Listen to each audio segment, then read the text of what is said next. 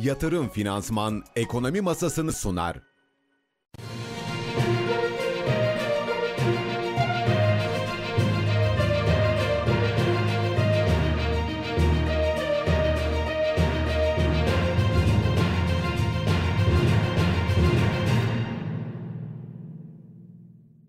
Nasıl Ekonomi YouTube izleyicileri günaydın. Tarihimiz 8 Ağustos Salı saatler 7.30'u gösteriyor ama siz hangi gün hangi saatte yayınımızı açtıysanız hoş geldiniz. Ben Berfin Çıpa. Ekonomi masasıyla masasının ilk yarım saatlik dilimiyle karşınızdayım.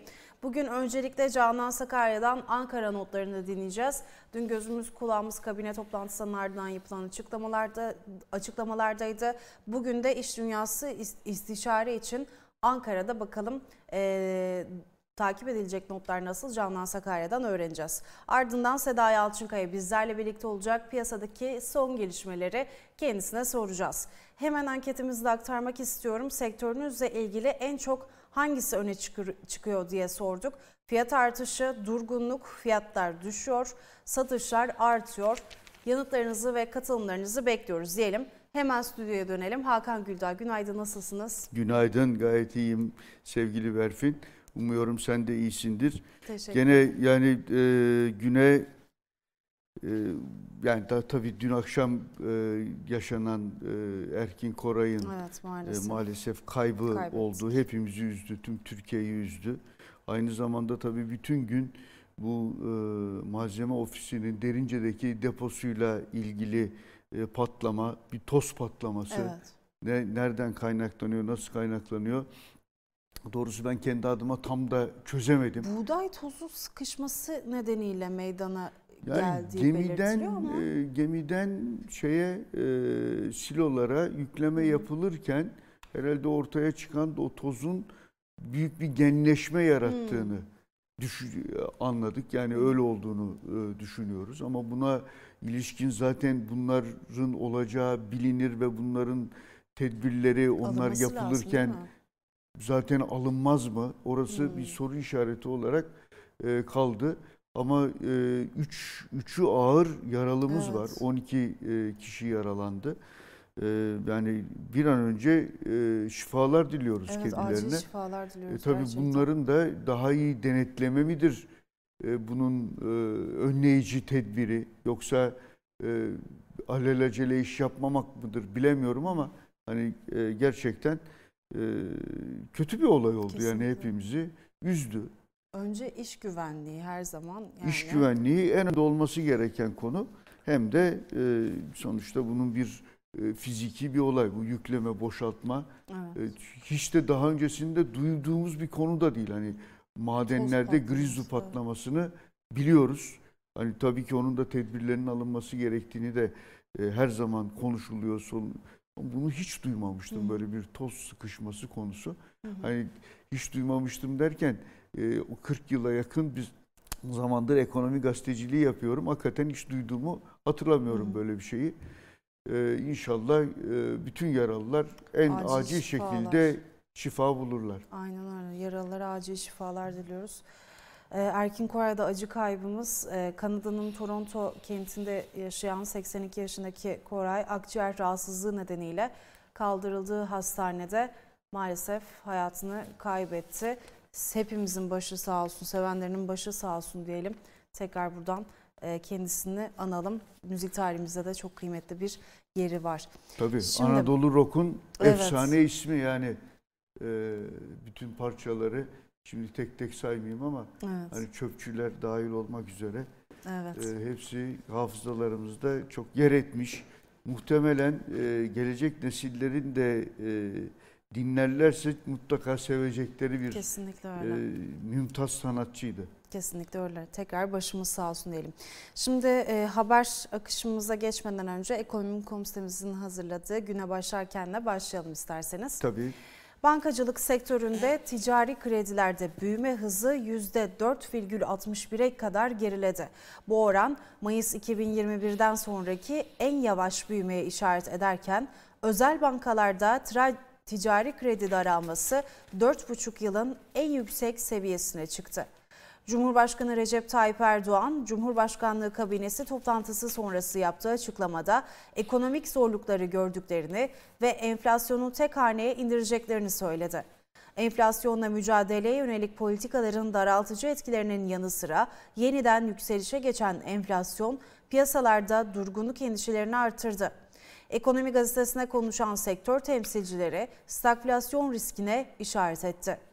Dünyanın en büyük ikinci ekonomisi Çin'in ihracatı Temmuz ayında zayıflamasını sürdürdü ve analistlerin tahminlerinden daha olumsuz geldi. Temmuz ayında ihracat geçen yılın aynı dönemine göre %14,5 azaldı. Ekonomistler ihracatın %12 azalmasını bekliyorlardı. ABD'de ham çelik üretimi haftalık bazda düşüş gösterdi. Ülkede ham çelik üretimi 5 Ağustos'la sona eren haftada bir önceki haftaya göre %1,3 azalarak 1 milyon 727 bin ton oldu. Bugün veri gündeminde öne çıkan başlıklarsa şöyle. Yurt içinde Türkiye İstatistik Kurumu Temmuz ayına ilişkin finansal yatırım araçlarının reel getiri oranlarını açıklayacak. Yurt dışında Almanya'da TÜFE, ABD'de ticaret dengesi verisi açıklanacak. Borsa İstanbul'un bu sabah alıcılı açılış yapması bekleniyor. Evet öne çıkan başlıklarımız da bu şekildeydi. Şimdi Canan Sakarya'da hazırmış aslında gitmeden önce iş dünyası e, istişare için Ankara'da haberinde belki birkaç cümleyle değerlendirmenizi rica edeceğim sizden. Valla iş dünyası e, hani TOP, ISO, İTO, TİM yani Türkiye İhracatçılar Meclisi e, onların da içinde bulunduğu, onların da liderlik ettiği diyelim 40 40'a yakın hı hı. E, özel sektör temsilcileri e, sürekli Ankara'da temaslarda bulunuyor Geçen şuralarda. Hafta, Çok ciddi bir trafik arttı. Evet, Cumhurbaşkanı Yardımcısı Cevdet Yılmaz'la, Cevdet Yılmaz'la yapmışlardı. Şimdi Mehmet Şimşek'le e, evet. ve özellikle Ticaret Bakanı Sayın Ömer Bolat'la e, her ikisiyle de görüşmeler devam ediyor. E, orta vadeli program öncesi hmm. herkes ihtiyaçlarını dile getirmeye çalışıyor. Hmm. Yine önde gelen konulardan bir tanesi finansmana erişim, erişim. meselesi. Ama e, gördüğüm kadarıyla e, iyi geçiyor. Yani e, Temaslar. görüşmeler iyi geçiyor, hı hı. temaslar iyi geçiyor.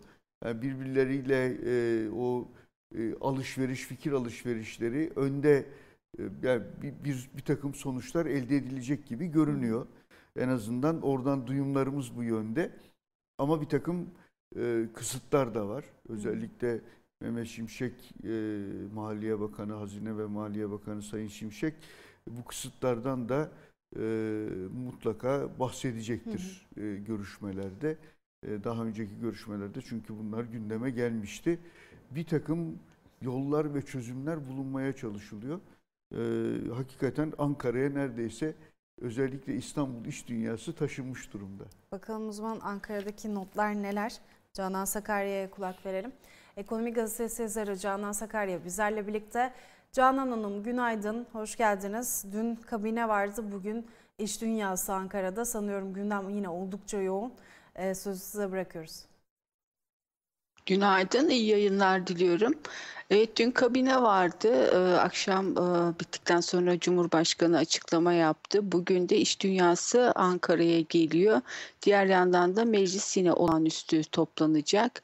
Ee, iş dünyası e, dün Cumhurbaşkanı toplantı sonrası kabine toplantısı sonrası açıklamıştı. Orta vadeli program 85 milyona rehberlik yapacak diye.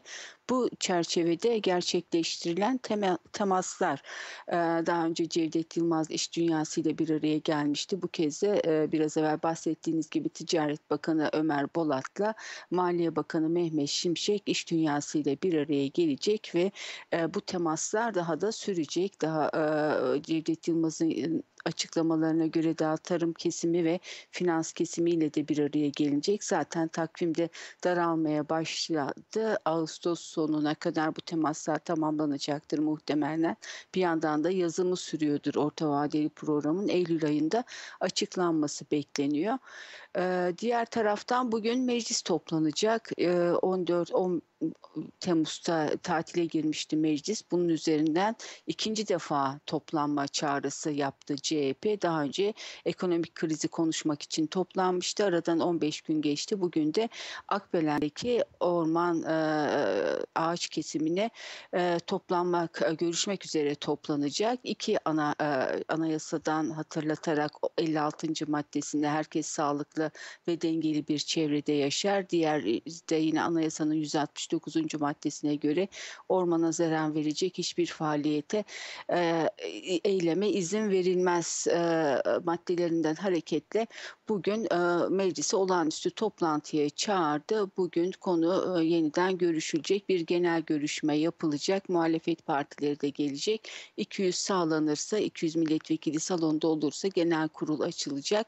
E, e, AK Parti adına eski Enerji Bakanı Fatih Dönmez e, konuyu da çok yakından bildiği için kürsüde olacak. AK Parti kaynakları bize bu şekilde bilgi verdi. Detaylı bir sunum yapacak. Hatta ağaç kesimi yapılıp e, üzerleri tekrar rehabilite edilen maden sahalarında yetişmiş e, zeytinlerden elde edilen zeytinyağını da kürsüye getireceğinden bahsedildi e, e, bugün ki oturumda e, yine tartışmalı bir oturum olacak. Dün Cumhurbaşkanı'nın bu konuda açıklamaları vardı.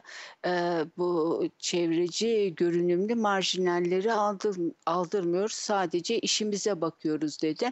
Cumhurbaşkanı e, özellikle Rusya ve Ukrayna savaşından sonra e, kömür kullanımının Avrupa'da da e, sürdüğüne dikkat çekti.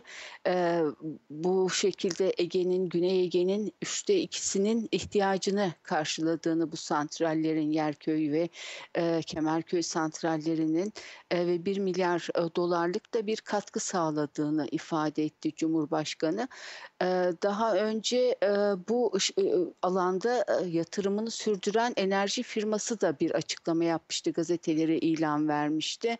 E, burada 3100 kişinin e, e, çalıştığı e, belirtilirken orman kesimin e, kesiminin yapıldığı, ormanların ağaç kesiminin yapıldığı yerlerin Milli Park, Tabiat Parkı, sit alanı, muhafaza ormanı gibi herhangi bir özelliğinin olmadığına dikkat etmişti. Daha önce yargı süreçlerinin atlatıldığını ve yargısal bir engel kalmadığını e, bildirmişti ve eğer bu maden sahasından kömür çıkarılmazsa 2024 yılında da e, üretime ara vermek zorunda olunduğunu ifade etmişti ve yine bu firmanın yaptığı açıklamada daha önce kesim yapılan yerlerin üstüne misliyle ağaç dikildiği ve e, bu bölgelerin rehabilite edildiği de ifade edilmişti. Yine orada çalışan maden işçilerinin de enerji işçilerinin de eylemi olmuştu. Bizim ekmeğimize e, dokunmayın şeklinde.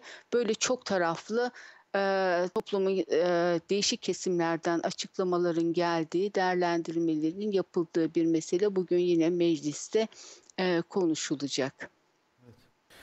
Ee, Cumhurbaşkanı Erdoğan da çevreci görünümlü marjinalleri aldırmıyoruz diye bir e, açıklama yapmış. Bu e, Muğla Akbelen'deki termik santral için ağaç kesimiyle ilgili olarak e, belki onu da e, not etmekte fayda var. Türkiye'de ağaç sevgisi adında provokatif eylemler yapılmaktadır diyor. E, tabii fotoğrafları da hepimiz hatırlıyoruz o e, yaşlı evet. hanımefendinin ağaca sarıldığı fotoğraf benim gözümün önünden gitmiyor doğrusu. Peki.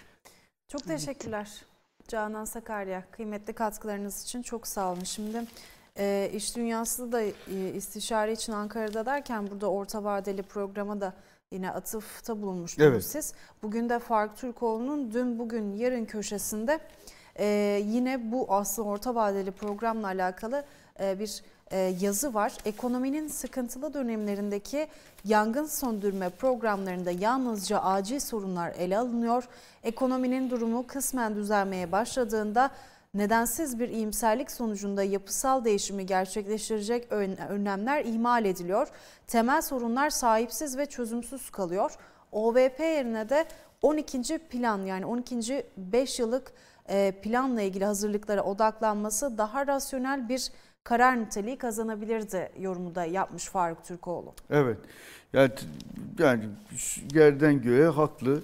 Hep işte daha öncesinden de e, konuştuğumuz konu.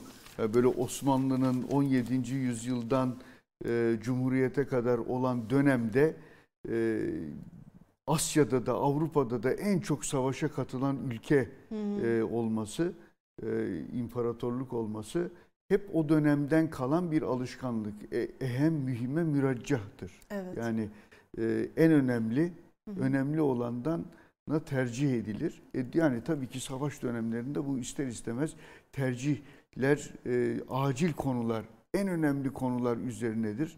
E, suyun kalmadı mesela Tabii. bugün. E, bu en önemli Evet. konu. Ya işte bilmem e, eğitim reformu ya şimdi o dursun. Ya da diğer e, önemli yapısal reformlar denilen konular onlar dursun diye bakıyoruz. Ama o zaman da hep e, sonuçlara odaklandığımız için hiç nedenleri çözemediğimiz Hmm. için onlara odaklanmadığımız için bu e, sorunlar da bir sarmal gibi bugün bir tedbir alıyoruz yarın yine karşımıza çıkıyor. Hatta enflasyon da öyle. İşte sağını solunu kesiyoruz bir şeyler yapıyoruz sonra ama onun kökleri var.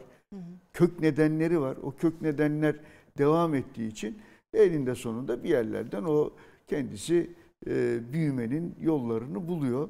E, kısa vade tuzağından kurtulmak zorundayız e, diyor Sayın Türkoğlu. Hakikaten e, yerden göğe haklı diyeyim ben de. Şimdi e, siz az önce enflasyona e, örnek verdiniz ya sağını solunu kesiyoruz ama kök nedenler var. Şimdi dış ticaret ve ödemeler dengesi cari e, alakalı etkiler ve aslında onları çözmeye yönelik adımlar hep atılıyor. Birkaç haftadır da bunları konuşuyoruz. Altın ithalatına kosa, e, kota kısıtına bağlanacak şeklinde de bir haber var. İsterseniz bunu da sizle aslında Hmm. ekonomi masasına başlatmadan önce de konuştuk.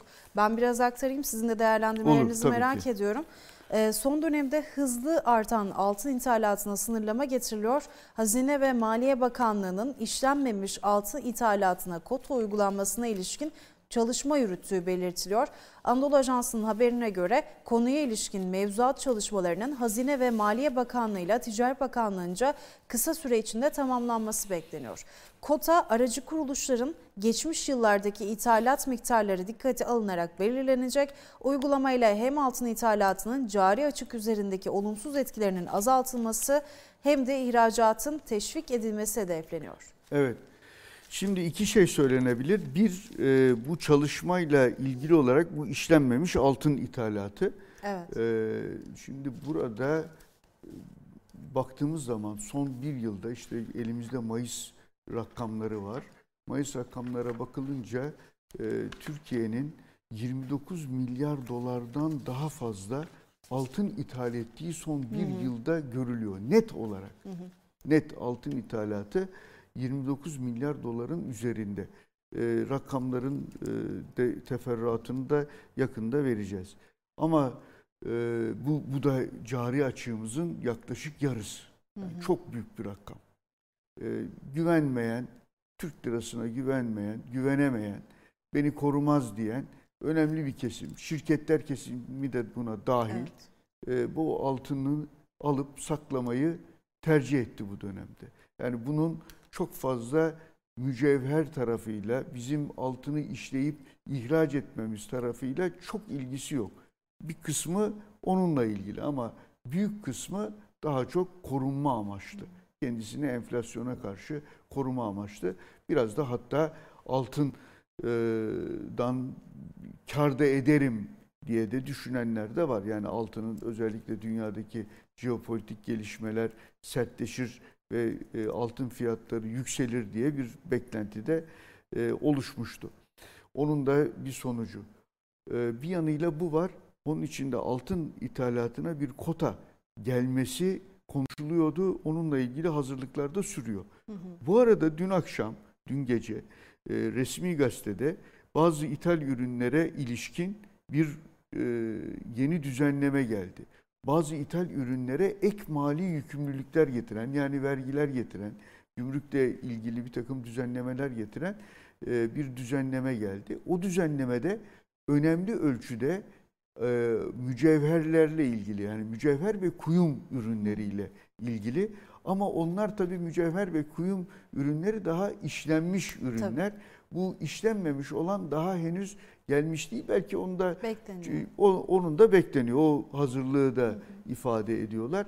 Nedenlerini de benim e, gördüğüm şekliyle bu yönde. Çok çok yüksek miktarda altın ithalatı yaptık. Ama bunların e, yani biz eğer içeride dengeleri iyi oturtamazsak altın ithalatını tek başına kısıtlamak bir işe yarar mı?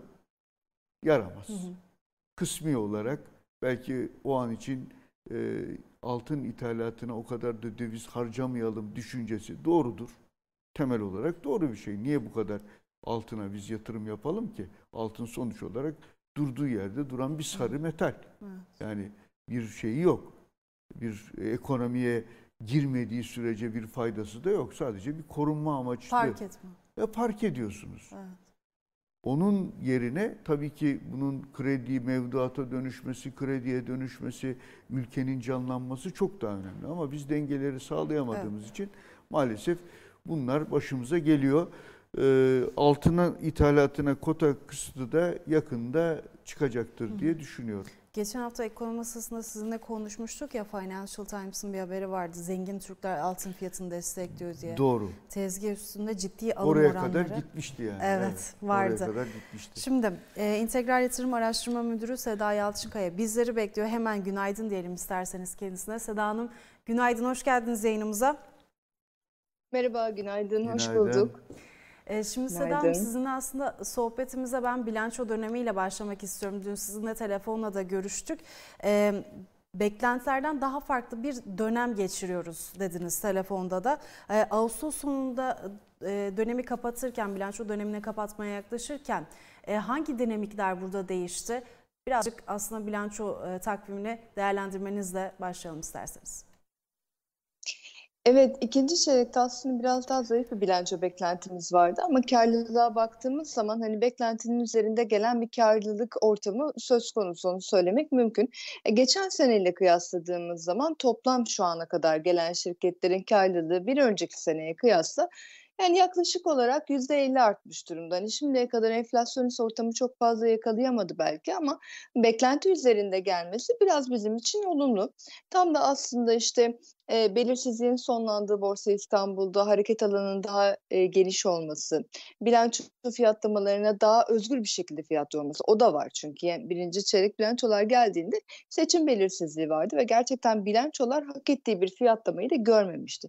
Bu da aslında beklenti hani e, bilanço açıklanmadan önce beklentiler fiyatlara yansıtılır. Bu bir e, zaten şey getirir. Bir getiri ya da bir götürü ya da yatay ya da hareketsizlik getirir ya da bir hareketlilik getirir. Bunu yaşadık. Bir de üstüne bilançolar açıklandıktan sonra reaksiyonu da aldık. Aslında Borsa İstanbul'un e, yaşanacak gelişmelere ne kadar tepki e, alanı oluşturduğunu da bunu gösteriyor. Bunu söylemek mümkün. Diğer taraftan baktığımız zaman aslında her şey makroekonomik gelişmelerin yansıttığı ve şirketlerin bilançolarına nasıl geçtiğiyle alakalı bir şey. E, ne demek istiyorum? Şunu söylemek istiyorum. Maliyet kontrolleri oldukça önemli. Yani bir şirketin bilançosunda brüt karlılığını destekleyen, faaliyet karlılığını destekleyen en önemli kalemlerden bir tanesi. E, diğer taraftan yatırım gelirlerinden gelen, şu anda yatırım faaliyetlerinden gelen gelirler bilançoyu ciddi anlamda destekliyor. Bazı şirketlerde faaliyetlerinden karlılık az olmasına karşın vergi gelirlerinde ve yatırım faaliyetlerinden oluşan gelirlerde artışlar oluyor ve net kar destekliyor. Biz burada e, tüm şu ana kadarki gelen bilançolarda e, esas faaliyet karlılığının nasıl olduğuna baktık ve şu ana kadar gördüğüm bilançolarda böyle çok beklenti altında kalan sürpriz ya sektöründen farklılaşma gösteren bir e, bilanço görmedik. Dolayısıyla aslında bu toplam gelen bilançoların hepsinin üçüncü çeyrek beklentilerinde bir ışık tutacağını söylemek mümkün. E şimdi tabii makroekonomik gelişmeler nasıl değişecek? E, Merkez Bankası'nın Hazine ve Maliye Bakanlığı'nın e, yapmış olduğu bir şu anda oturtmaya çalıştığı bir düzen var. Aslında gördüğümüz bir niyet var. O da ortodoks politikaları biraz da fazla aşırı kademeli olsa da geçiş. Yani niyet güzel ama enflasyonla mücadelede biz net somut adımları henüz daha çok fazla görmüş de değiliz aslında. Şu anda niyetin algılamalar üzerindeki olumlu yansımalarını hatta yavaş yavaş da geç kalınmışlığı da biraz yaşıyoruz. E, dolayısıyla orada bir hızlanma olacak mı? Bu da üçüncü çeyrek bilançolara yansıyacak. Kurda ikinci çeyrekte yüzde 35 artış gördük. Dolayısıyla bu da bilançoları fiyatlamalarına girdi ve şu anda e, ihracatçı şirketlerde bunu net bir şekilde hissediyoruz. E, şimdi, tüm bu dinamikler aslında ikinci çeyrek finansalları destekledi ya da biraz top, törpüledi. Üçüncü çeyrekte ne kadar bir kurta artışı olacak? KKM'nin varlığı yatırım faaliyetlerindeki gelirlere e, nasıl etkileyecek? Bunların hepsi şu anda bir bilinmez. Çünkü yol haritamız çok fazla yok açıkçası. E, o nedenle şu anda Borsa İstanbul hazırda her şey fiyatlama isteği içerisindeyken finansalları da olumlu fiyatlıyor. Yani geleni ödüllendiriyor e, iyi gelmeyeni de cezalandırıyor. Yani bunu söylemek mümkün.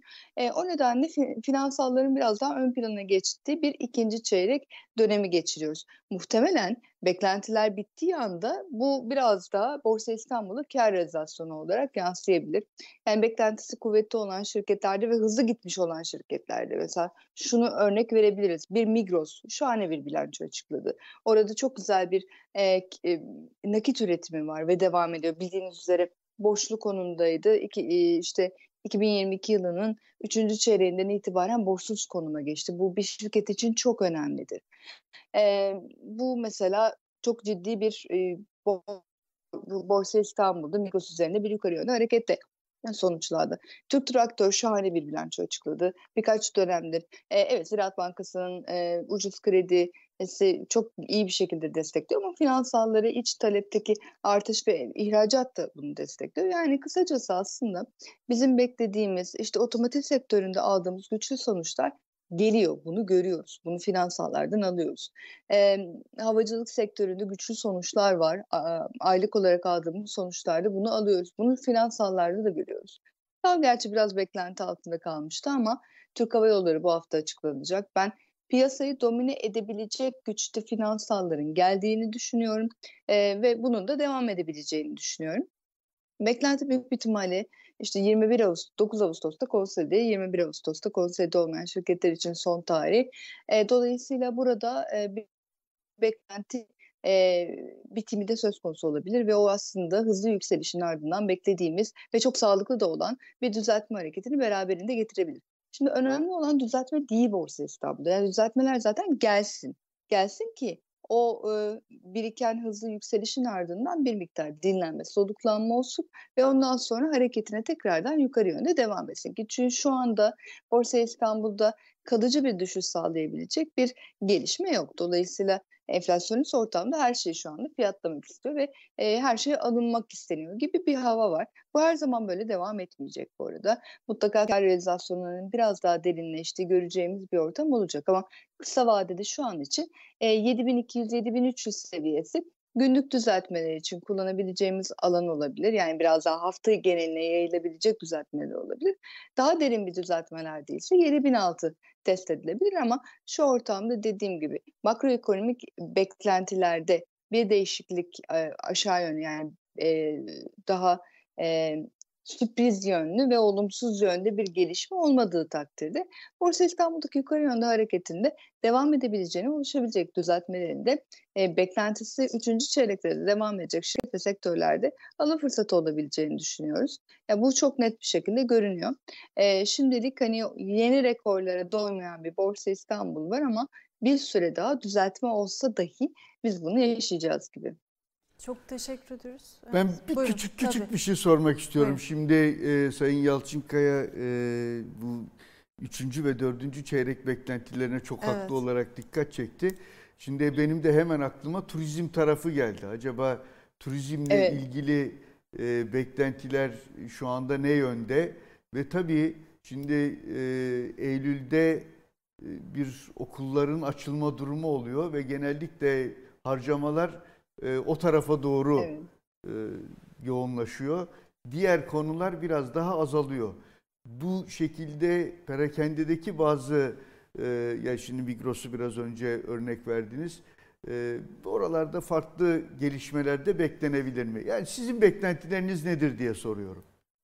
Evet evet elbette yani e, şimdi enflasyonist ortam devam ettiği sürece gıda perakendeciliği ama perakendeciliğin geneli de adımlarda hızlanma olabilir. Çünkü biliyorsunuz işte döviz kurunda artışlar bekleniyor. İç tüketim oldukça canlı. Dolayısıyla mesela teknoloji satan firmalarda da karlılığın yükselmesini bekliyoruz biz. Hani bu halen de ikinci çeyrekte canlı. Üçüncü çeyrekte de belki canlı kalabilir. Çünkü e, hani düşündüğümüz nedir? Bir enflasyonist ortam kadar daha kurda bir yukarı yönde hareket olursa hani Dolayısıyla bunun aslında e, yatırım yapma kararlarında da etkili olacağını düşünüyoruz. Şimdi yaz aylarının döviz getirme konusunda bize e, ülkemize faydası var ama hani biraz daha Ekim ve Kasım aylarına geldiğimiz zaman bu gidecek. E, o nedenle biraz daha beklentiler, düzeltmeler bu tarafta gelebilir. E, biraz daha Kasım ayları daha zor olabilir bizim için. İşte şirketlerin de döviz ihtiyacı olacak yıl sonu yaklaştığı zaman. E, buralarda sıkışmalar yaşayabiliriz ama genel itibariyle e, yani yatırımcıların da biraz akıntıya e, karşı yüzmemelerinde fayda var. Şu anda aylık gelen verilerde güçlü ve gerçekten sektörü destekleyen bazı veriler var. Otomotiv sektöründe mesela işte e, ihracat rakamları güçlü geliyor vesaire. Hani bu tarafta def, def, defansif kalmak adına e, biraz daha beklentisi olan şirketlerde kalmak faydalı olur diye düşünüyorum. Peki çok teşekkür ediyoruz Seda Yalçınkaya kıymetli katkılarınız için. Akıntıya karşı kürek evet, çekmemek ben de onun önemli. Evet. İntegral Yatırım Araştırma Müdürü Seda Yalçınkaya bizlerle birlikteydi. Bilanço dönemine ilişkin e, özet yaptı biz ekonomi masası izleyiciler için çok teşekkür ediyoruz. Akıntıya karşı yüzmemekte fayda var dedi. E, şimdi kapatmaya yakın bugün gazetemizle birlikte e, ücretsiz olarak e, verdiğimiz kitap ekimizi de ben Evet, hatırlatmak istiyorum. E, Darüşşafaka'da e, sanata dair öğrencilere e, nasıl beslediğine ilişkin aslında güzel de bir kapak Güzel, evet. e, konulmuş. Darüşşafaka'da her öğrenci en az bir enstrüman çalınıyor. Ekranı getirdik. Sanat ve edebiyatında şefkat yuvası başlığı atılmış. E, bunu da hatırlatmakta fayda var dedim. Bir Darüşşafakalı olarak Evet siz 160. yılını e, da Darüşşafaka bu yıl 160. yılı kuruluşunun e, gerçekten çok önemli bir tarih. E, eğitimde Kesinlikle. de e, özellikle e, yoksul, e, annesiz ya da e, babası olmayan çocukları eğitimini e, sürdürmeye devam ediyor. Büyük bir mücadele veriliyor. Darüşşafaka'ya her zaman destek olmamız lazım. evet Öyle değil. varlar. Şefkat yuvası Darüşşafaka ama sanat ve edebiyatın da şimdi şefkat yuvası. Aynen öyle iyi ki varlar ve çok gerçekten başarılı öğrenciler başarılarıyla biz de gurur duyuyoruz. Yurt dışına giden ve başarılarını duyduğumuz Öyle çok da gerçekten. öğrenci var. E, evet çok teşekkür ediyorum Ben de Hakan teşekkür Güldağ. ediyorum. Kıymetli katkılarınız için çok sağ olun. Şimdi haberimize gidelim. Cumhurbaşkanı Recep Tayyip Erdoğan kabine toplantısı sonrası açıklamalarda bulundu. Erdoğan ülke genelinde 6,5 milyon konutu dönüştürmeyi hedefliyoruz. Bunun 1,5 milyonunu İstanbul'da ve en kısa sürede yapmamız yapmamız ertelenemez mecburiyet haline almıştır dedi. Haberi izliyoruz. Haberin ardından ekonomi masası Barış Esen ve Hakan Güldağ ile devam ediyor. Yaklaşık 11 milyon yeni konut inşa edilmesini sağlayarak hem vatandaşlarımızı ev sahibi hem de depreme hazırlık yaptık. Hepimizi yasa boğan 6 Şubat depremlerinin izlerini silmek için 680 bin yeni konut inşa etmek üzere kolları sıvarken ülke genelinde depreme hazırlık amacıyla 6,5 milyon konutu daha dönüştürmeyi hedefliyoruz. Bunun 1,5 milyonunu İstanbul'da ve en kısa sürede yapmamız ise ertelenemez bir mecburiyet halini almıştır. Deprem bölgesinin yeniden imarını hızlandıracak yerinde dönüşüm projemiz milletimiz tarafından memnuniyetle karşılanmıştır. Kısa sürede projemize yapılan başvuru 160 bini aşmıştır. İnşallah 15 Ağustos tarihine kadar çadırlarda ve tesislerde kalan afetzedelerimizin tamamını konteynerlara taşımış olacağız. Enerjiden tarım ve sanayiye, her alanda ülkemize kazandırdığımız eser ve hizmetlerin örneklerini saatlerce saymak mümkündür. Bütün bunları iktidarlarımız döneminde ürettiğimiz 15 trilyon dolarlık milli gelirin 3,7 milyar dolarını yatırıma ayırarak gerçekleştirdik. Sadece bunlarla da kalmadık. Bugün çok tartışılan enflasyon konusunda en büyük başarı bizim dönemimize aittir. Mesela son 21 yılın enflasyon ortalaması yüzde 15'in altındadır. Bu ortalama rakamın 1970'lerde yüzde 34, 1980'lerde yüzde 44, 1990'larda yüzde 74 seviyelerinde olduğunu unutmamalıyız.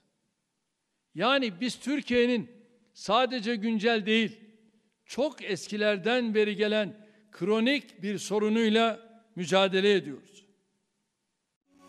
Yatırım Finansman'ın sunduğu Ekonomi Masası devam edecek.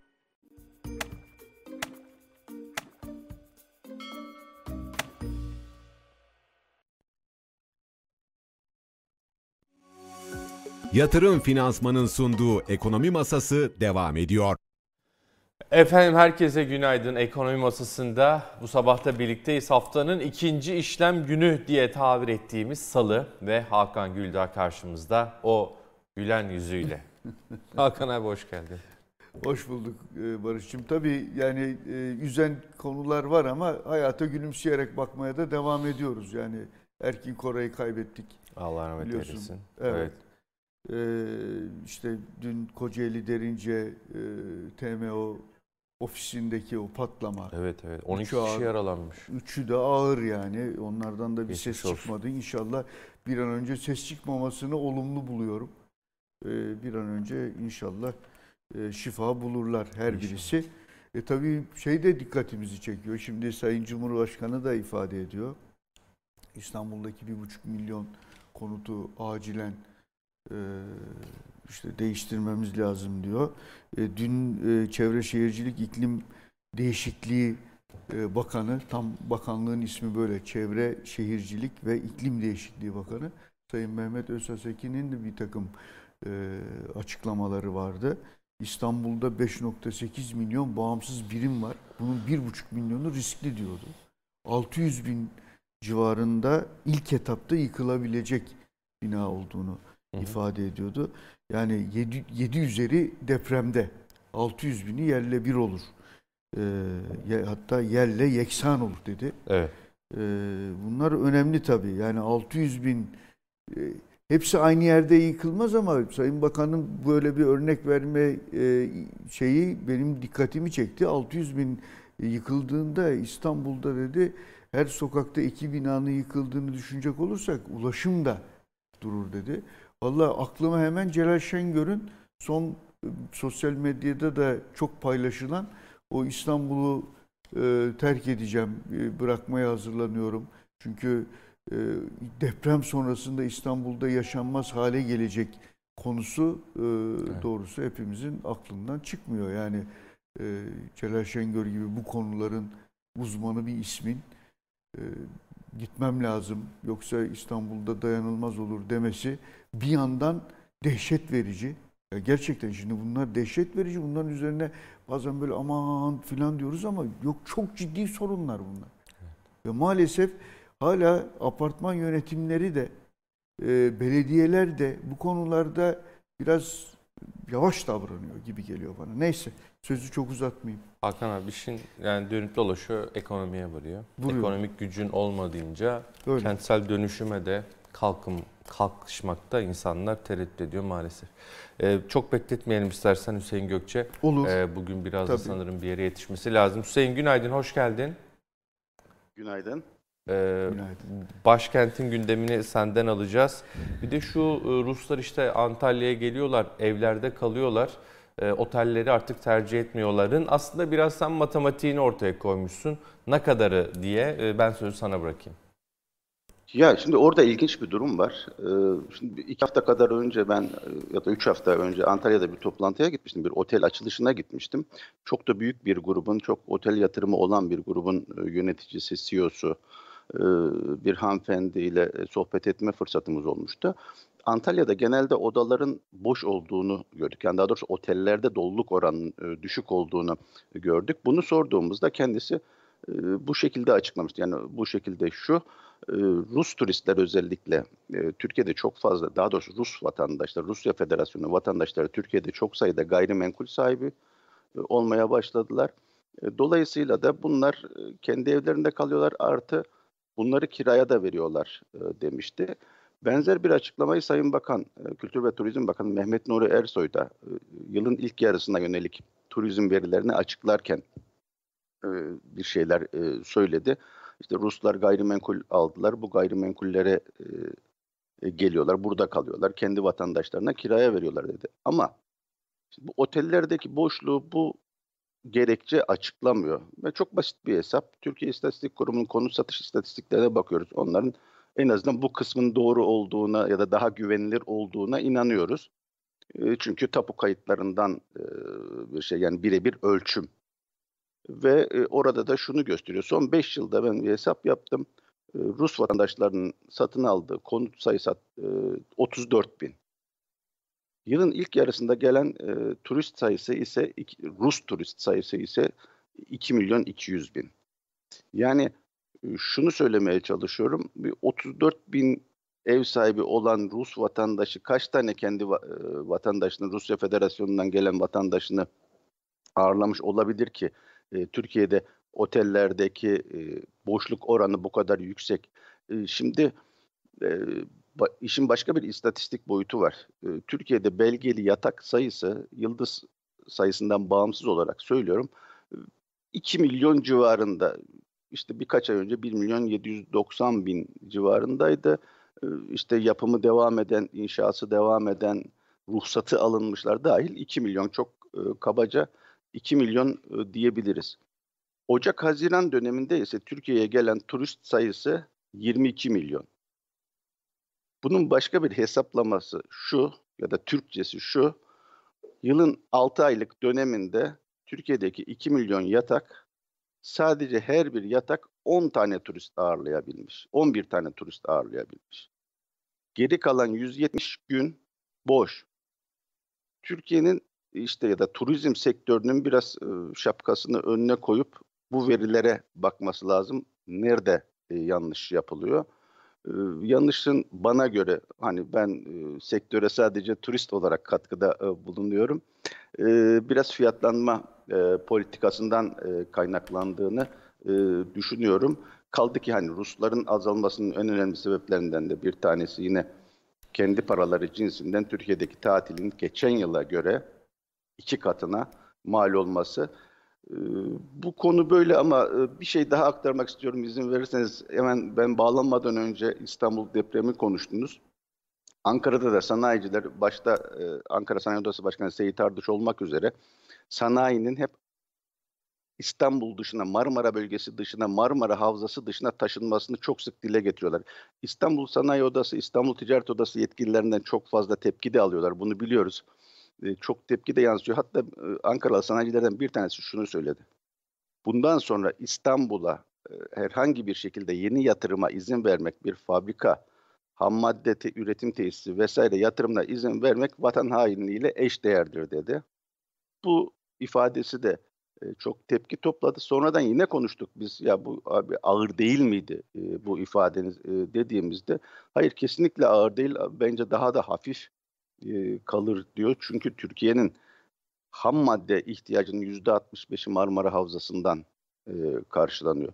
Olası bir e, depremde o tesisler zarar görmese bile, hiçbir şey olmasa bile bunların e, ülkenin diğer bölümlerine, kalan bölümlerine, üretim yapan bölümlerine aktarılması çok ciddi bir e, sıkıntıya e, yol açacaktır. Dolayısıyla hani biz Ankara istemiyoruz ama İstanbul dışındaki sağlam bölgelerde yeni havzalar oluşturulması e, gerekir şeklindeki önerileri var. E, bir de bildiğimiz kadarıyla Marmara bölgesinin bitiminden itibaren bir hat e, çizilerek e, Güneydoğu Anadolu bölgesine kadar geniş bir e, havza çerçeve belirlenmiş durumda.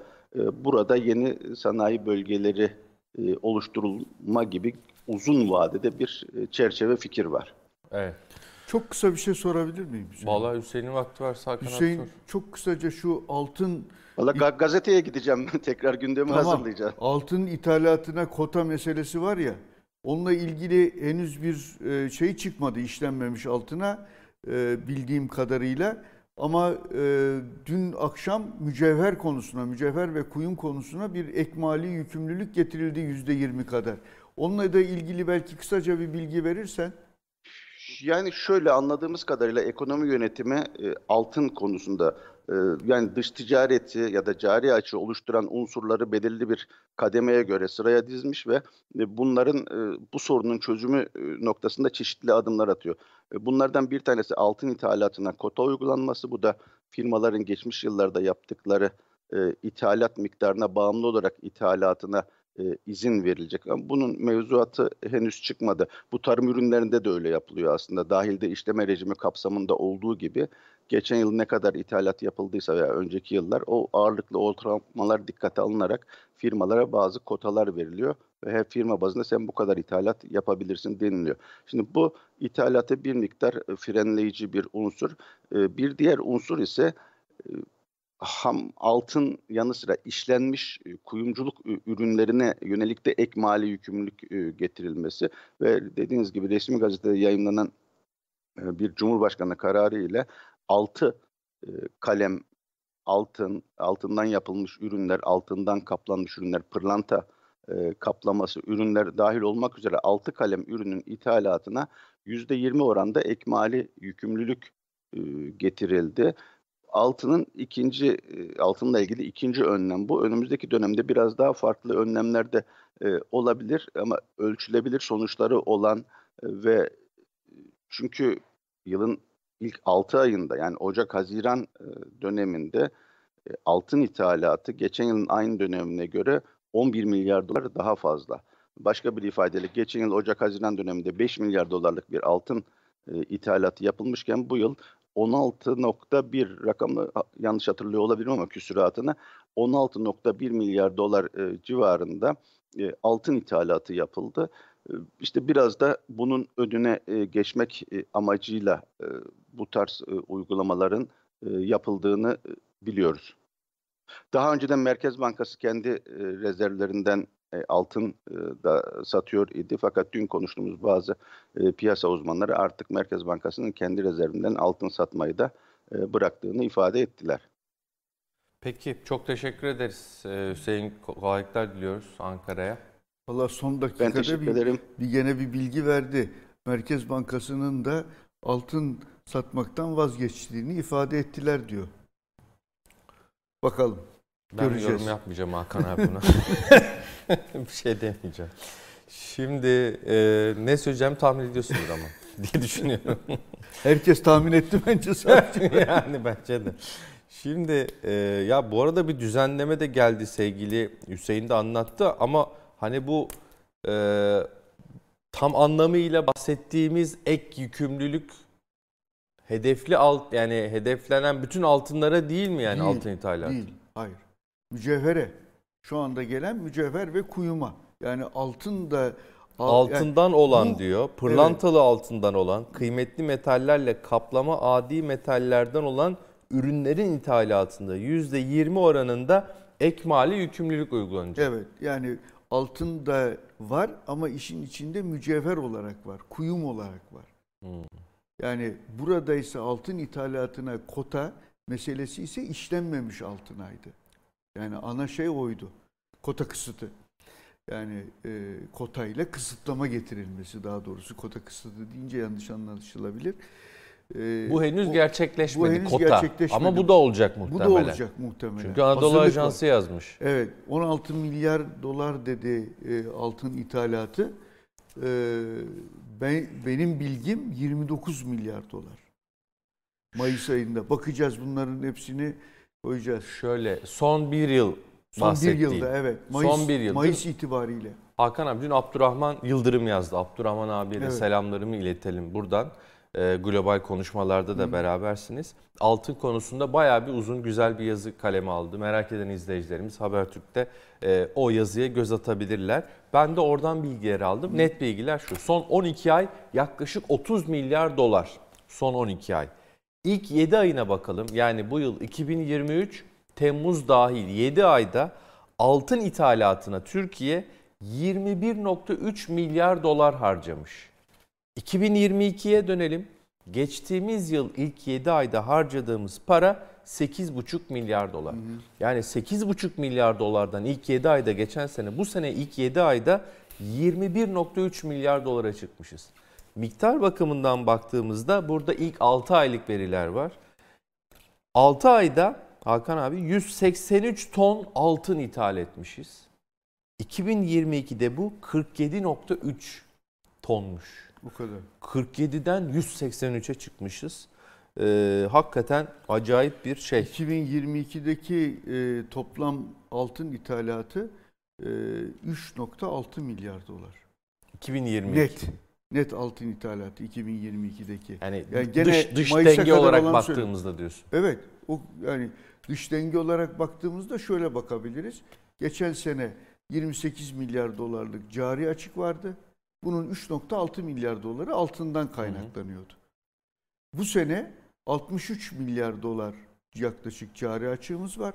Yani gene son bir yıla bakınca Son 12 aylık evet. son 12 aya bakınca Ee, ama altın ithalatı senin de dediğin gibi 30 milyar dolara yakın 29.4. Evet kopmuş gitmiş. Burak Hoca'ya dönelim mi? Lütfen izninle? çok iyi olur. Hocam günaydın hoş geldiniz. Ee, günaydın, hoş bulduk. Çok teşekkür ederiz. Günaydın, merhabalar. Hocam merhaba. Valla bu sıcağı sıcağına bu konuda da bir yorumunuz varsa bu altın e, altına hücuma fren dedim ben. E, yani vatandaş da hücum etti. Altından nereye gitti? Merkez Bankası da sattı. E, dolara tam e, ne diyeyim erişemeyen demeyeyim de hani erişmekte zorlanan altın alıp kenara mı atmış? bu konudaki mesajınızı, yorumunuzu merak ederim. Bununla başlayalım. Ee, ben tam öyle olduğunu düşünmüyorum Barış'cığım. Yani e, yani bir servet artışı için evet yani altın şunu sağlar. Ee, en önemli özelliklerinden bir tanesi kayıt dışı ekonominin kayıt altına en rahat sokulabildiği yerlerden biridir. Tıpkı gayrimenkul gibi. Ee, Türkiye'de gayrimenkule ulaşım zorlaşınca özellikle e, altın bu anlamda çok önemli bir rol oynadı. Bunu hiçbir şekilde yatsıyamayız. Çünkü geçmişte de gördük. Ee, Birçok kere e, bu özellikle konut sektöründe ya da işte emlak sektöründeki en büyük e, alışlar genellikle e, bu kayıt dışı ekonomi e, anlamında kayıt altına sokmak için de oluyor. E, o nedenle zaten bizim ekonomimizin e, ağırlığı kayıt dışı bir yapısı da çok fazla var. O, o nedenle hani yurt dışından analiz yaparken birçok analist e, Türkiye'yi doğru analiz edemezler. Çünkü e, kayıt dışı ekonominin içerisindeki o yapı birçok kişinin aslında e, farklı yerlerden gelir elde etmesi ve bunu kayıt altında tutmaması nedeniyle doğru çıkmaz. E, şimdi altın da bunun bir aracı olarak duruyor. Ama sadece bu da değil bence. E, dikkat edersek bu altın ithalatındaki artış e, Rusya-Ukrayna savaşıyla da çok alakalı. Yani e, oranı, orayla da belki grafiği üstüne koyarak bakmak daha doğru olabilir tarihsel olarak.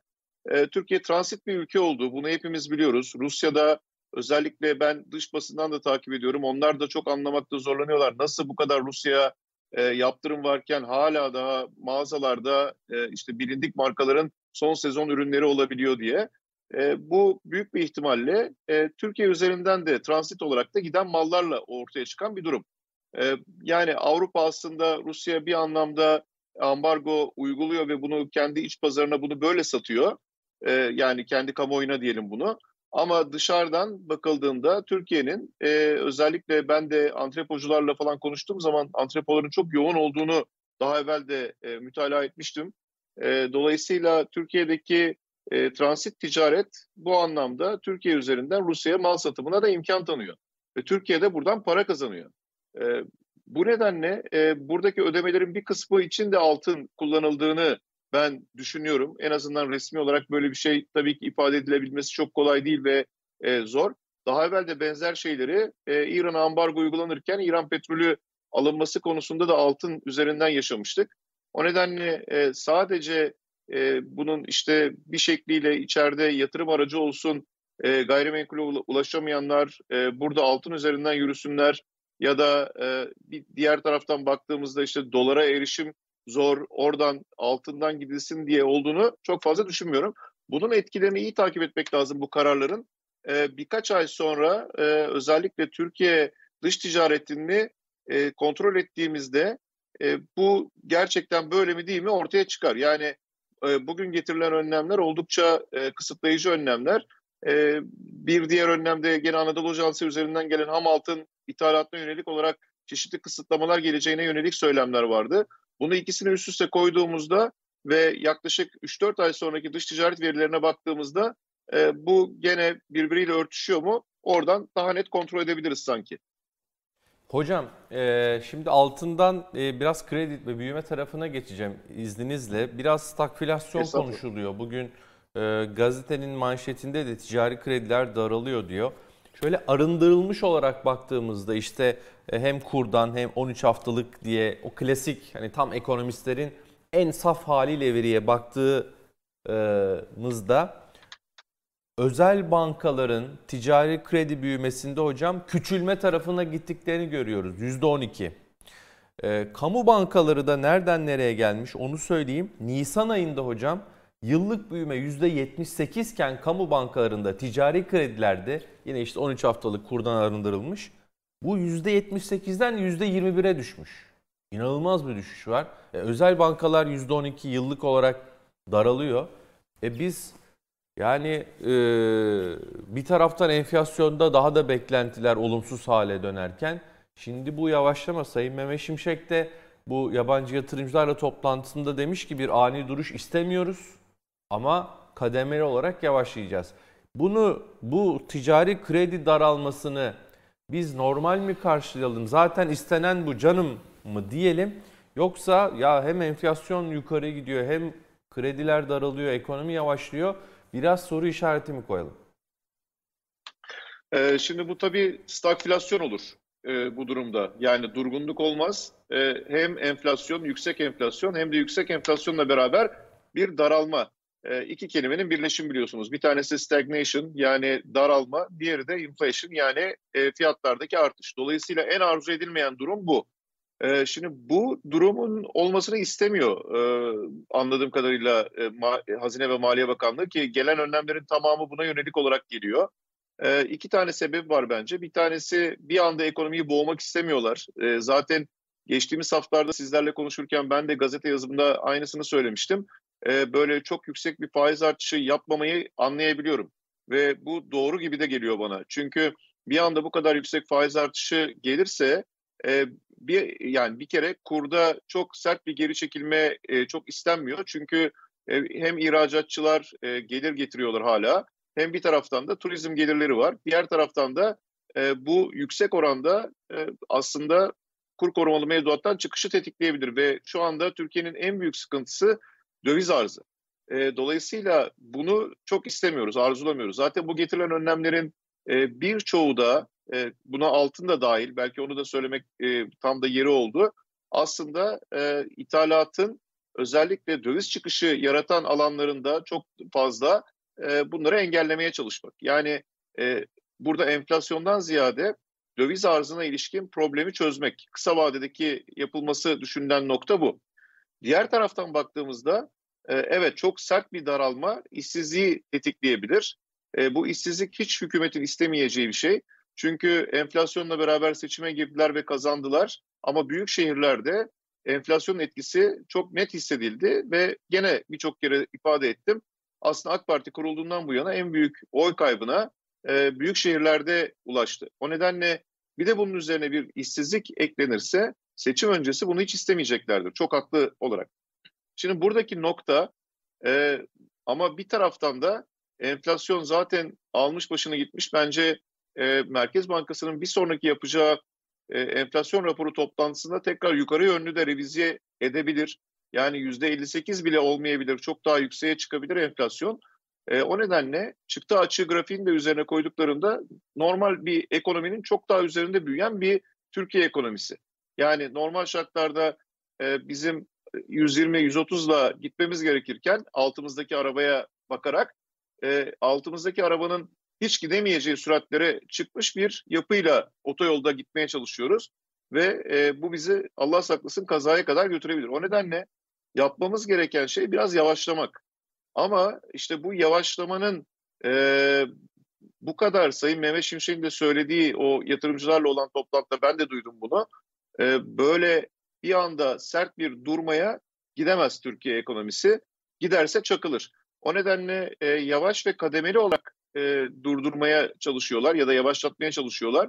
Ama buradaki en büyük risk yüksek enflasyon. Yani bu kadar yüksek bir enflasyondaki durgunluk, stagflasyon ve yüksek işsizliğe e, bizi sokabilir.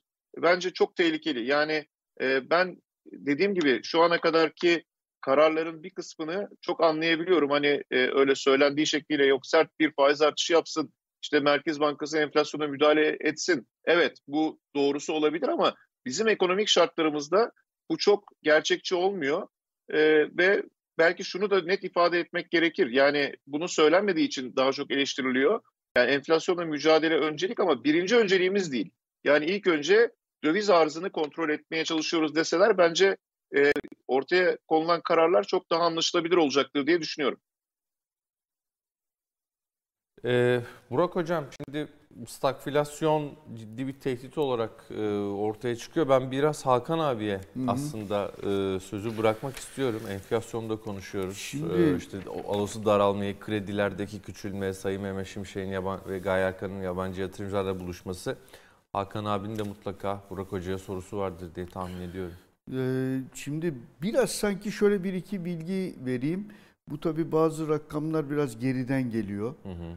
Ee, bir parça son dönemde bankaların bu özellikle ticari kredilerle mevduat e, tarafında faizlerin birbirine yaklaşması nedeniyle bir parça daha iştahlarının hafif diyelim açıldığı yönünde bilgiler geliyor. Telefonlar e, ediliyor çeşitli şirketlere. Yani kredi kullanma isterseniz hani limitleriniz de var gibi e, ifadelerle yavaş yavaş bir hareket var ama çok yavaş bir hareket var gerçekten. İşte Sayın Şimşek'in de söylediği gibi bir daraltma hmm. operasyonu devam ediyor. Kredilerde seçici kalınacak vesaire filan. Fakat epey bir yatırım yapıldı. Bizim bu haberde de çok net olarak ifade ediliyor. Yani e-ticaret tarafına vesaire. Hani hocam da bahsetti şimdi e, deposu var, antreposu var değil mi? Böyle e, makinalara yatırım yapıldı. Hı hı. Şimdi bunların işletilememesi e, aslında masrafları da çok arttıracak.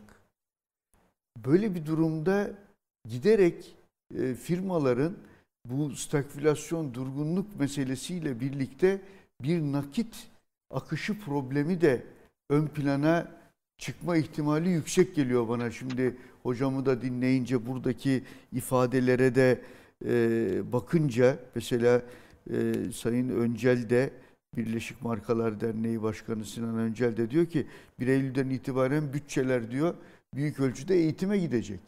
Yani okullar açılıyor vesaire filan. Hani diğer işler bir yavaşlayacak ama herkes diyor kredi kartı limitleri de artık hızlı doluyor. Gerçekten öyle. Eskisi gibi değil durumlar. Üstelik pahalandı. Ekonomi yönetiminin verdiği sinyaller de tarafın e, talebin daraltılacağı yönündeki Sayın Şimşek'in tweetini de biliyoruz. Şimdi böyle bir durumda yaptığım istihdam, antrepo, e-ticaret yatırımları ne olacak? Çok büyük bir soru işareti diyor. Ben buna e, gerçekten ne olacak? Bunların maliyeti devam edecek çünkü. Ama bir yandan siz bunlara bir şeyler ödemek durumundasınız ama elde ettiğiniz gelirler e, şunu da yaşıyor tabii e, bu üreticiler. Ya 10 liraya aldığım şeyi 12 liraya yarın öbür gün alamam. Onun için ben şimdiden onun fiyatını öyle bir noktaya getireyim ki şimdiden o parayı alayım. O 12 lirayı 13 lirayı şimdiden cebime koyayım. Ee, bu bu da yani bu da nakitin dışarıya hızlıca çıkmasını sağlıyor. Maliyetlerin de devamı nakit gerektiriyor. Yarın öbür gün biz ciddi bir nakit e, akışıyla, problemiyle karşı karşıya kalır mıyız diye hocama sormak istiyorum. Ee, kalabiliriz e, diye düşünüyorum. Çünkü ben de geçtiğimiz hafta ihracatçılarla beraberdim. Mesela enteresan şeyler var. %45'ten kredi kullansak iyi mi hocam e, diyorlar. Şimdi %45 dediğiniz rakamlar çok büyük rakamlar. E, bir taraftan baktığınızda gerçekten e, kredi maliyetleri son derece yüksek rakamlara ulaşmış durumda. Ama diğer taraftan da bizim firmalarımızın genel yapısı zaten işletme sermayesini bile krediyle döndürmek üzere kurgulanmış. Öyle geliyor yıllardan bu yana. Ee, buradaki yapılması gereken belki en önemli yapısal reformlardan biri böyle işletme sermayesine bile kredi üzerinden ulaşan şirketlerin bu kredi aktarım mekanizmasından dışarıda tutulması belki olabilirdi. Yani ne demek istiyorum? Zombi şirketlerle vedalaşmak olabilirdi belki en doğrusu. Ekonomiyi gerçekten refaha eriştirmek için. Çünkü kısıtlı kaynaklarımız var. Hocamızla Bağlantı bağlantımızda mı koptu? e, bir problem oldu. Birazdan arkadaşlarım yeniden e, Profesör Doktor Burak Arzo ile olan bağlantımızı Evet. yenilerler. Kısıtlı kaynağımız var diyor. Aslında temel sorunlardan bir tanesi bu. E, o yüzden işte döviz e, de ihtiyacımız var yatırım yapmak için. Dövizi bulmakta da e, yeteri kadar rahat değiliz. Elimiz rahat değil. Değiliz. Döviz kredileri imkanı da var ama dövizin e, yarattığı belirsizlik ortamında e, yani dövizle ilgili e, belirsizlik ortamında bunlar da çok riskli de görülebilir. Ayrıca ya piyasa daralıyorsa şimdi e, bu burayı nasıl çevireceksin? Asıl problem orada. Şu anda çok yatırımı düşünen olacağını zannetmiyorum. Yani yatırım için para zaten şu anda çok fazla bulunamıyor. Belki oralarda musluklar biraz daha açılabilir. Ama e, hani oraya teşvik etmek anlamında ama e, yani şu anda e, durgunluk meselesi ön planda gidiyor. Birçok sektörde bence zaten stagflasyon başladı. Yani bence fazla e, stagflasyonun başladığını zaten sektör temsilcileri söylüyor. Fiyatlar artmaya devam ediyor ama miktar olarak satışlar hala aynı düzeyde değil. Perakende bu konuda farklı davranıyordu. Yani onun dışında davranıyordu. Orayla ilgili de Eylül'den itibaren biraz bir yavaşlamanın gelme ihtimali artmış görünüyor. Burak Hocam tam e, kaynağımız kısıtlı ifadesini kullandınız. Orada e, bağlantımız koptu. E, lütfen devam edin buyurun. Ee, evet yani bu geçen e, özellikle ben bunu Financial Times'ta da okumuştum. Bu zombi şirketler birçok ekonominin en büyük problemi. Sadece bizim de değil. Ee, mesela dün de bu eğitim harcamalarına yönelik olarak e, Hakan abinin az önce söylediği gerçekten mesela Amerika'da bir araştırma yapmışlar. Eylül ayında e, ailelerin yüzde yirmi bütçesi e, özellikle eğitime gidiyor. Bu çok oldukça yüksek bir oran geçtiğimiz yıllarla kıyaslanmış olarak toplam bütçenin yani bütün aileye gelen gelirin yüzde yirmisini düşündüğümüzde oldukça yüksek bir alan olarak e, gözüküyor. O nedenle e, yani şirketlerimize baktığımızda e, tabii buradaki en önemli nokta e, bizim şirketlerimizin gelir yaratmakta çok zorlanması. Çünkü imalat sanayine baktığımızda ağırlıkla ihracata çalışıyoruz. İhracat pazarlarımız daralıyor. E, bu da çok beklenen bir şey. Çünkü küresel ticaret yavaşlıyor. E, onun dışında iç pazarda alım gücü çok düşük. E, üretilen mal ve hizmetler e, belirli bir kesim tarafından alınabiliyor. O da şirketlerin tamamına e, yetmiyor. Dolayısıyla yani bu enflasyonun işte hani birçok etkilerini ve olumsuz yönlerini anlatırken gerçekten Türkiye bir laboratuvar. Bütün bunların hepsini bir enflasyonun ekonomiye, bireylere, şirketlere ne kadar zarar verebildiğinin aslında göstergesi son iki yıla baktığımızda ve hatta üç yıla baktığımızda çok net bir şekilde gözükebiliyor. Onun için zor yani bu önümüzdeki dönem çok zor geçecek. Benim en büyük korkum bir stagflasyona bu işin dönmesi. Çünkü oraya doğru sanki bir gidiş e, var diye düşünüyorum. E, inşallah öyle bir duruma girmeyiz. E, çünkü hem yüksek enflasyon hem işsizlik en korkulan duruma bizi taşıyabilir. Bireyler açısından da, şirketler açısından da, ülke ekonomisi açısından da. Onun için bence en büyük tehdit bu gibi duruyor. E, bence naçizane iki tane üstadın yanında fazla söz düş- düşmez ama vatandaş henüz bunun hissetmedi. Yok. Ücret Evet. artışları vesaire. Henüz vatandaş yani şey geliyor ama o onun ben kendimi söyleyeyim farkında mıyız bilmiyorum yani. Hı hı. Hani ama bir şey sanki Böyle bir durgunluk anlamında geliyor. Henüz böyle hissetmedik işte hı hı. ücret artışları, telafiler falan. Bunu daha da konuşuruz. Burak Hocam çok teşekkür ederiz. Bir izleyicimiz demiş ki Burak Hocam ee, senin arkandaki tabloya hocam atıf yaparak hocam at yarışı mı yapıyor demiş. Ama Vallahi, tablo çok dinamik. E, evet evet yani ben çok hoşuma giden bir şey ben atları çok seviyorum ve e, onların o hırsı ve güzelliği e, çok hoşuma gidiyor. Yani evet yani at yarışı dünyanın her yerinde oynanan bir şey ama o at kavramı bizim kendi kültürümüzde de çok değerli olduğu için çok severek önünde program yaptığım bir tablo bu. Sağ olsunlar. hocam görüşmek üzere. Kendinize iyi bakın. Görüşürüz. Aklınıza sağlık Hoşça hocam. Kalın. Görüşmek üzere. Evet. Çok teşekkür ederim. Görüşmek üzere. Yani yatırımlardan bahsettin Hakan abi. Şöyle bir baktım. Mayıs ayında eski bakan e, Sayın Nebati'nin açıklaması var. Diyor ki e, 2019 sonu itibariyle diyor hani oradan bugüne aslında makine teçhizat yatırımlarında biz bir artış görüyoruz. E, Mayıs ayında Sayın Bakan konuşmuş demiş ki makine teçhizat yatırımları 13 çeyrektir büyüme devam ediyor. Yani biz aslında e, işte büyüme rakamlarının içine, içine baktığımızda makine teçhizat yatırımları her büyüme rakamının içerisinde bizi çok sevindirdi hmm. ve bu 13 çeyrek üst üste devam etti.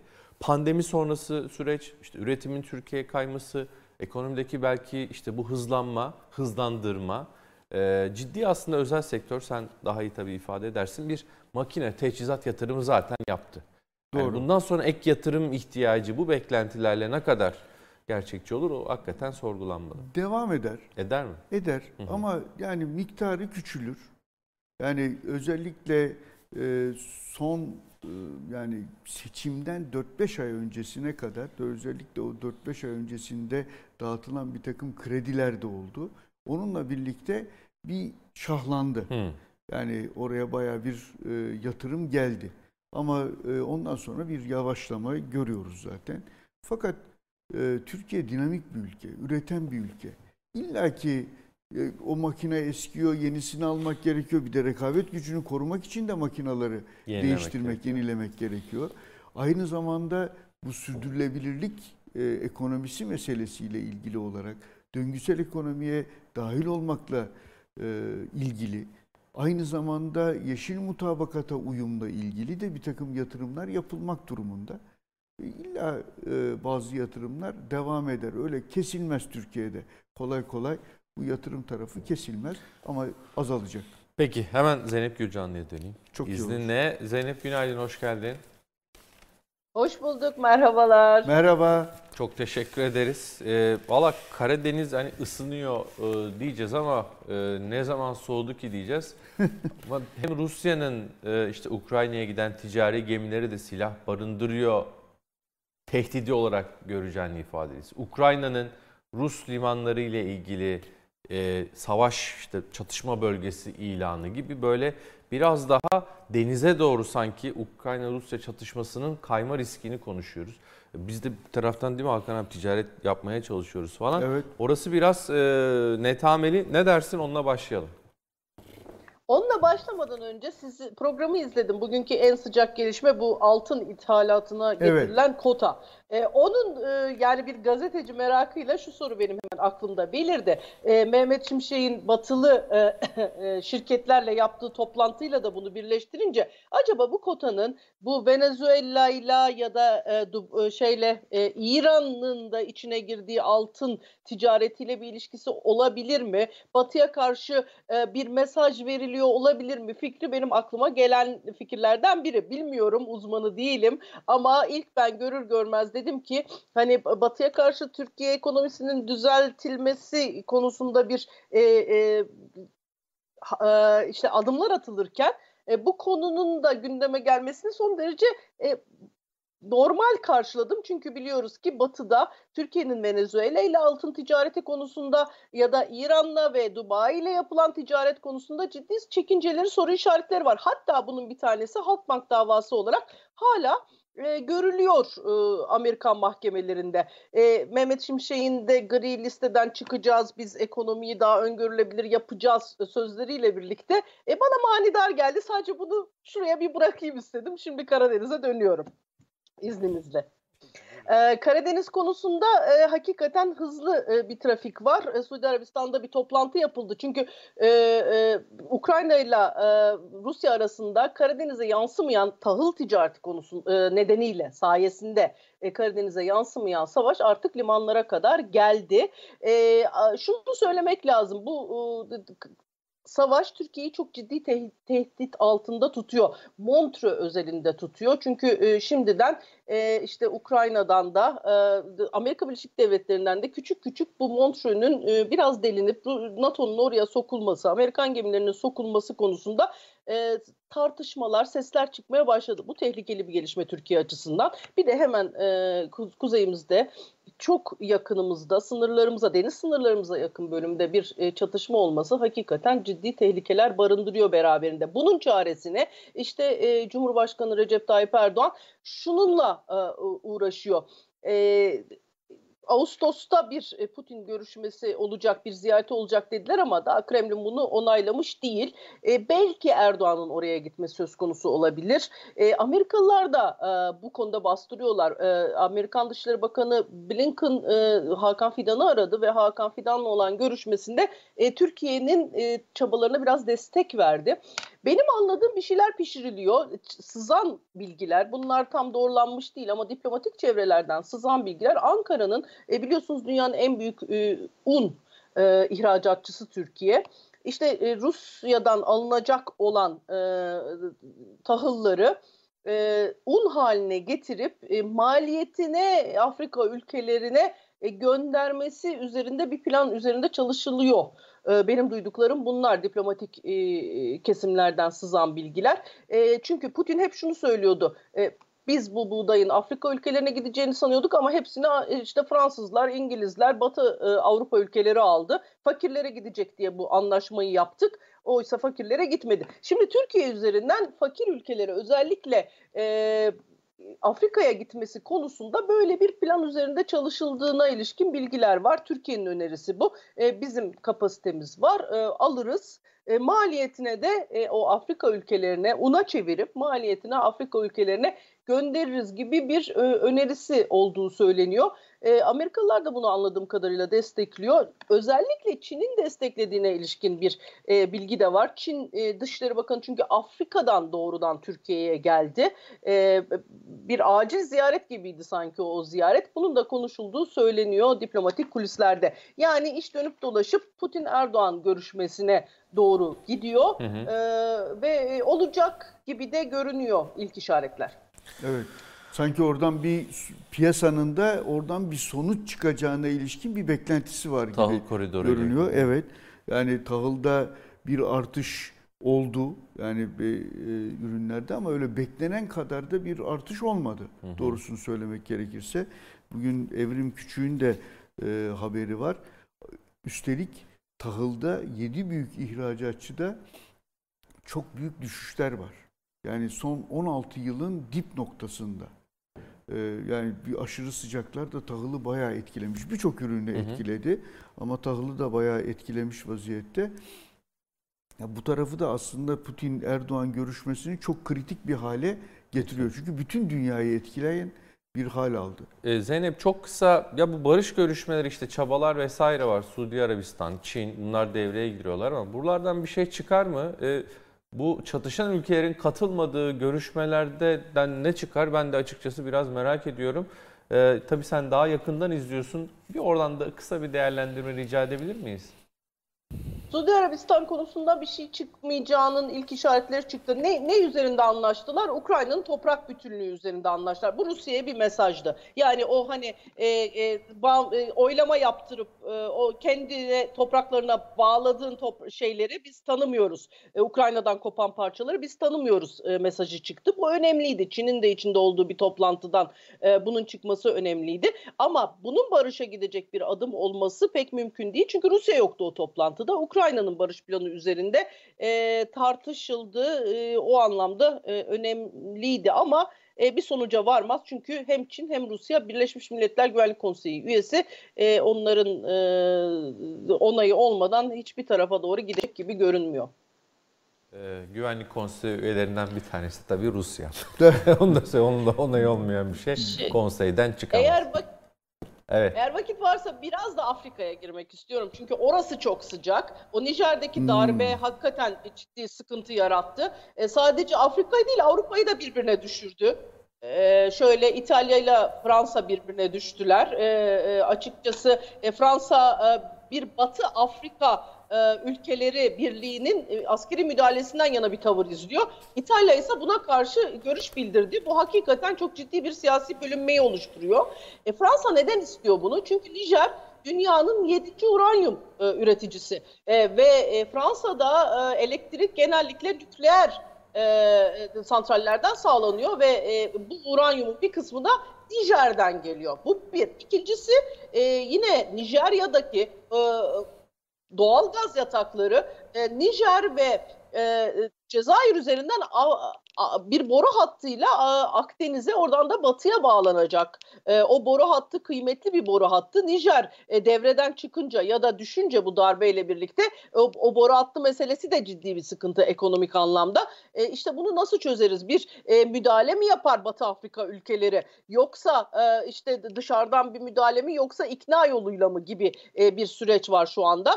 Dışa, dışarıdan müdahale yani Batı Afrika Birliği'nin bir müdahalesi konusunda Batı Afrika ülkeleri birbirine girmiş durumda. Cezayir karşı, işte e, Çad karşı böyle bir mücadele e, müdahale, e, Mali karşı, Burkina Faso karşı. E, bir e, onlar e, dolayısıyla bir müdahale pek öyle e, öngörülemiyor e, e, Nijer'e. E, Nijer böyle devam ederse ne olacak? Mali ve Burkina Faso'dan sonra üçüncü ülke olarak e, Rusya kampına geçen ülke olacak. Çünkü darbeciler daha şimdiden Wagner'e e, davet etmeye falan başladılar Rus paralı asker grubunu. Kendi ülkelerine Putin'le bir böyle görüntülü çok da kamuya açık bir telefon görüşmesi yaptılar. Bunların hepsi aslında bu küresel itişmenin Ukrayna'dan sonra şimdi Afrika'ya yansıdığını gösteriyor. Tehlikeli gelişmeler elbette. Peki, çok teşekkür ederiz. Hakikaten enteresan gelişmeler. E, darbe oluyor, başka ülkeler oraya müdahale edelim diyor ama işin arkasında başka çıkarlar var. E, başta Fransa olmak üzere. Sevgili e, Zeynep Gürcanlı'ya teşekkür ederiz bu ufuk turu için. Bir sohbete devam edelim. Birazdan Çok Nuri Seygen'le e, birlikte olacağız.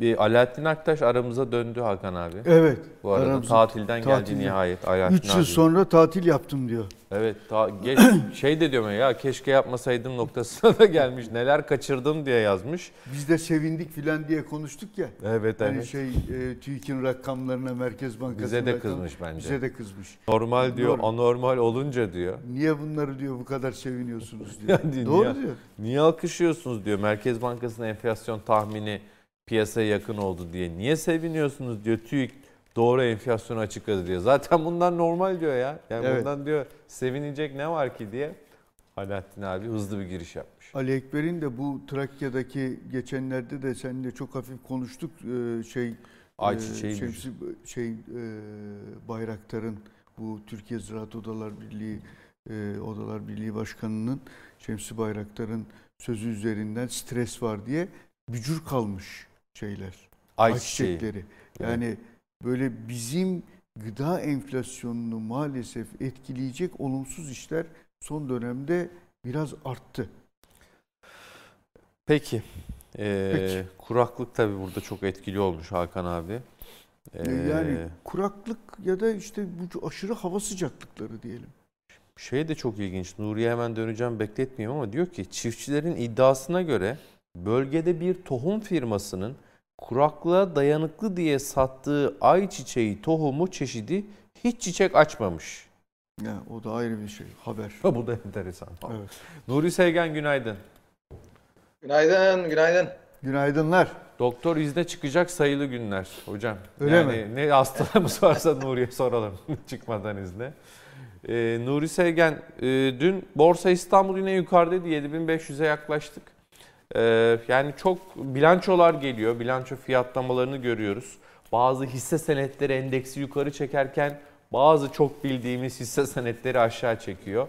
İşte dün Türk Hava Yolları %7-8 yukarıda, Sasa %7-8 aşağıda gibi bir tablo. Ben sözü sana bırakayım ne dersin?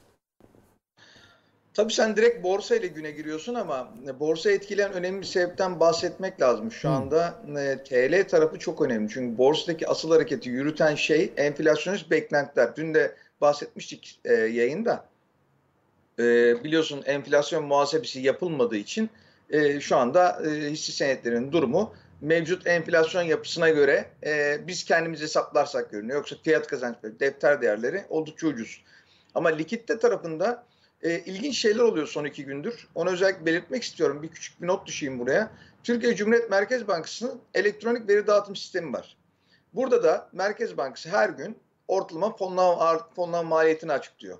Bu fonlama maliyetinde de son e, 14 Temmuz'dan beri ilk defa eksiye düşmüştü. Yani bankalar nakit fazlaları vardı ve bu nakit fazlalarını Merkez Bankası'nın depo ediyorlardı.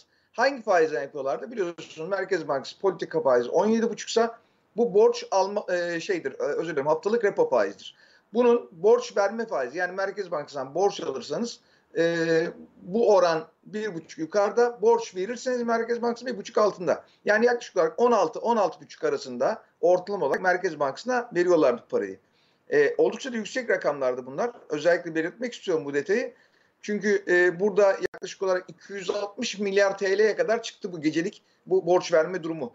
Ancak son iki günde Merkez Bankası'ndan borç alınır duruma gelmiş bankalardan. Yani bu EVDS'ye baktığınız zaman 186 e, milyar dün 187 milyarda e, pardon önceki gün 186 dün de 187 milyar civarında borç alınmış. Yani likitte bir sıkışma var. Peki bunun para piyasası tarafından Takas Bank'ta bir durum nedir diye baktım. Takas Bank'ta gecelik faiz oranları %16-18'ler arasında gider geliyordu son işte Temmuz'un ortasından beri.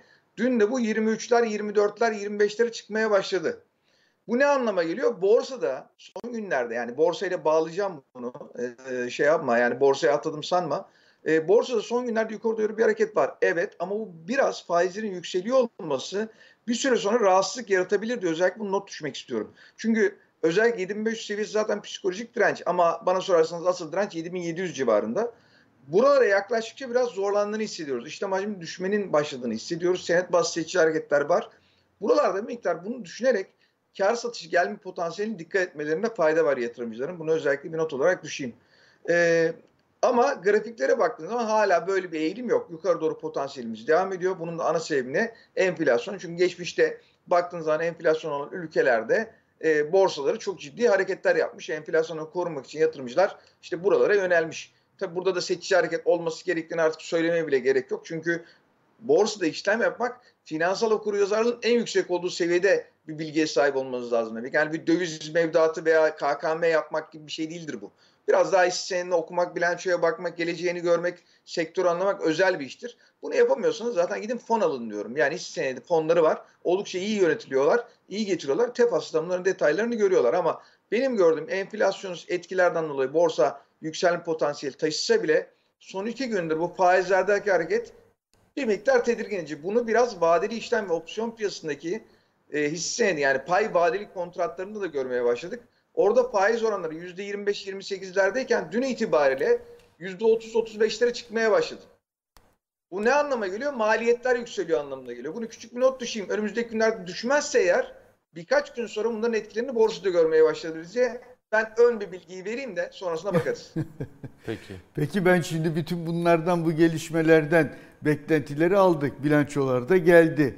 7500'e de geldik dayandık. Şimdi bundan sonra biraz daha gerçekler faiz tarafındaki sıkışma, likitte tarafındaki sıkışmayla bir düzeltme bekler miyiz? Ya da bunun adı düzeltme mi olur, başka bir şey mi olur?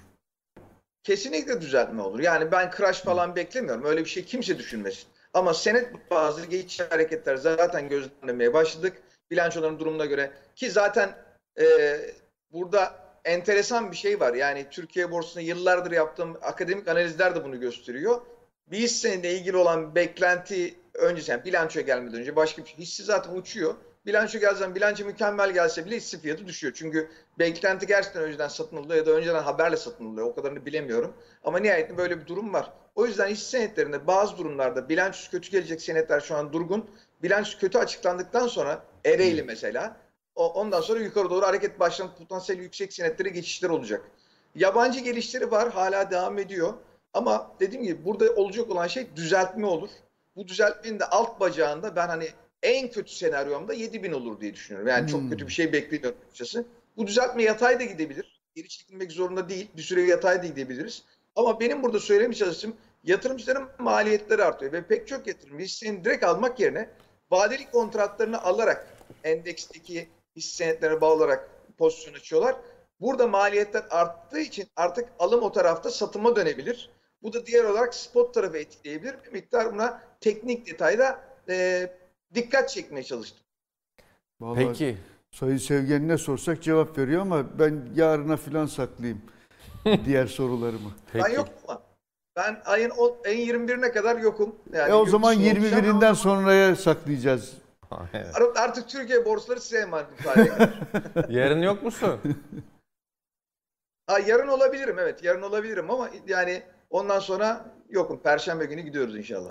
Tamam. Evet hayatımızda büyük bir boşluk olacak. Hadi kendine iyi bak Nurize. Eminim karaları bağlayacaksın. Kolaylıklar Sabahları daha rahat kahvaltı yaparsın. Ben seni rahatsız ettim. Ee, yatırım Finansman Direktörü Nuri Segen bizlerleydi. Uğurluyoruz kendisini. Hakan abi yavaş yavaş e, çok Görüşürüz. teşekkürler. Sonunda geliyoruz ama birkaç hani köşe yazılarından e, başlık olarak en azından söyleyelim. Tamam. Mesela Faruk Türkoğlu bugün e, şu kısa vade tuzağından kurtulmamız lazım diyor. Hep biz hakikaten kısa vadeyi e, böyle ekonomide yangın olduğunda acil müdahale ediyoruz. Azıcık iyileşme olduğunda da yapmamız gereken daha büyük yapısal adımları atmamız gereken adımları atmıyoruz diyor. Bu büyük bir sorun bence diyor. Bizim OVP değil 5 yıllık 12. kalkınma planına ihtiyacımız var 2024 için diyor. Buna belki biraz dikkat Faruk abi lazım. çok uzun zamandır bu konuya dikkat çekiyor ve de çok haklı bence. Hı hı.